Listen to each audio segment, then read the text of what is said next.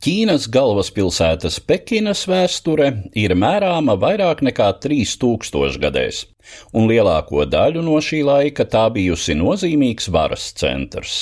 Tomēr par visas Ķīnas galvaspilsētu Pekina pirmoreiz kļuva tikai 13. gadsimta otrajā pusē, bet neatgriezeniski šis status nostiprinājās vēl pusotru gadsimtu vēlāk.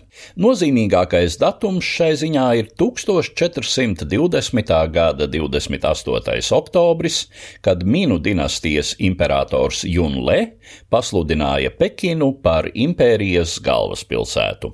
Viņa laikā pilsēta arī ieguva savu pašreizējo nosaukumu, kas mandarīnu ķīniešu valodā nozīmē Ziemeļu galvaspilsēta.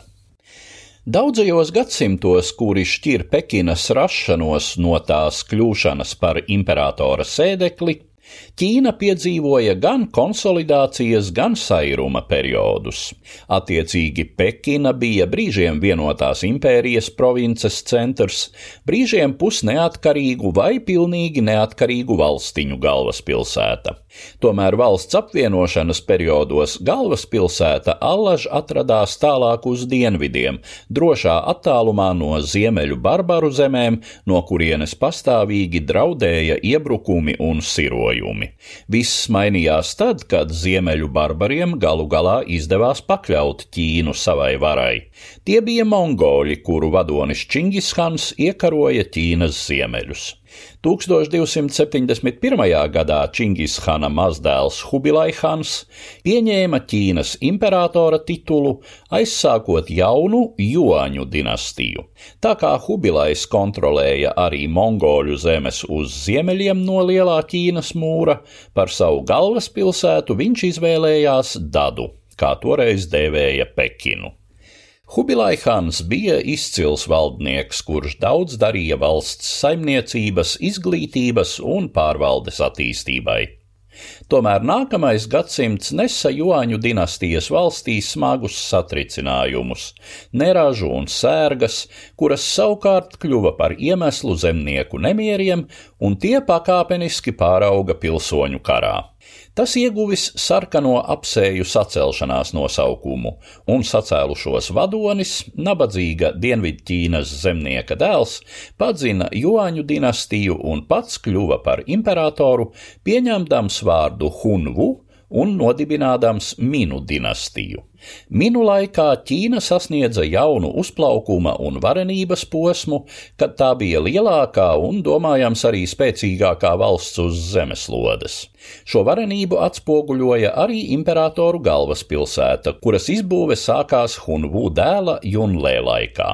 Viņš šeit apmetās vēl būdams princis un komandēdams imperatora armijas valsts ziemeļos. No šejienes viņš izcīnīja cīņu pret saviem brāļiem par tēva troni. Uzvarējis jaunais valdnieks uzsāka grandiozu celtniecību. Apmēram 15 gadus savi simts tūkstoši celtnieku ikdienas strādāja sviedriem vaigā. Pavisam kā lēš tolaik Pekinas celšanā piedalījušies apmēram miljons strādnieku un apmēram simts tūkstoši kvalificētu amata meistaru, procesu plānoja un uzraudzīja vairāki arhitekti. Rezultātā Pekina ieguva arhitektūras pieminekļus, kuri to rotā joprojām. Te pirmām kārtām jāmin tā sauktā aizliegtā pilsēta. Imperatoru rezidences komplekss ar 980 ēkām. Apkārt šim kompleksam izvietojās tā sauktā imperatora pilsēta ar tempļiem un dārziem, un ap to pati pilsēta visai pareizā četrstūra formā. Šī pilsēta dažas desmitgades vēlāk ieguva iekšpilsētas nosaukumu, kad aiz dienvidu vaļņiem izauga teju tikpat lielā ārpilsēta. Ārpus iekšpilsētas mūriem atradās četri tempļi, no kuriem iespaidīgākais debesu templis ir vēl viena ķīniešu vēsturiskās arhitektūras pērle.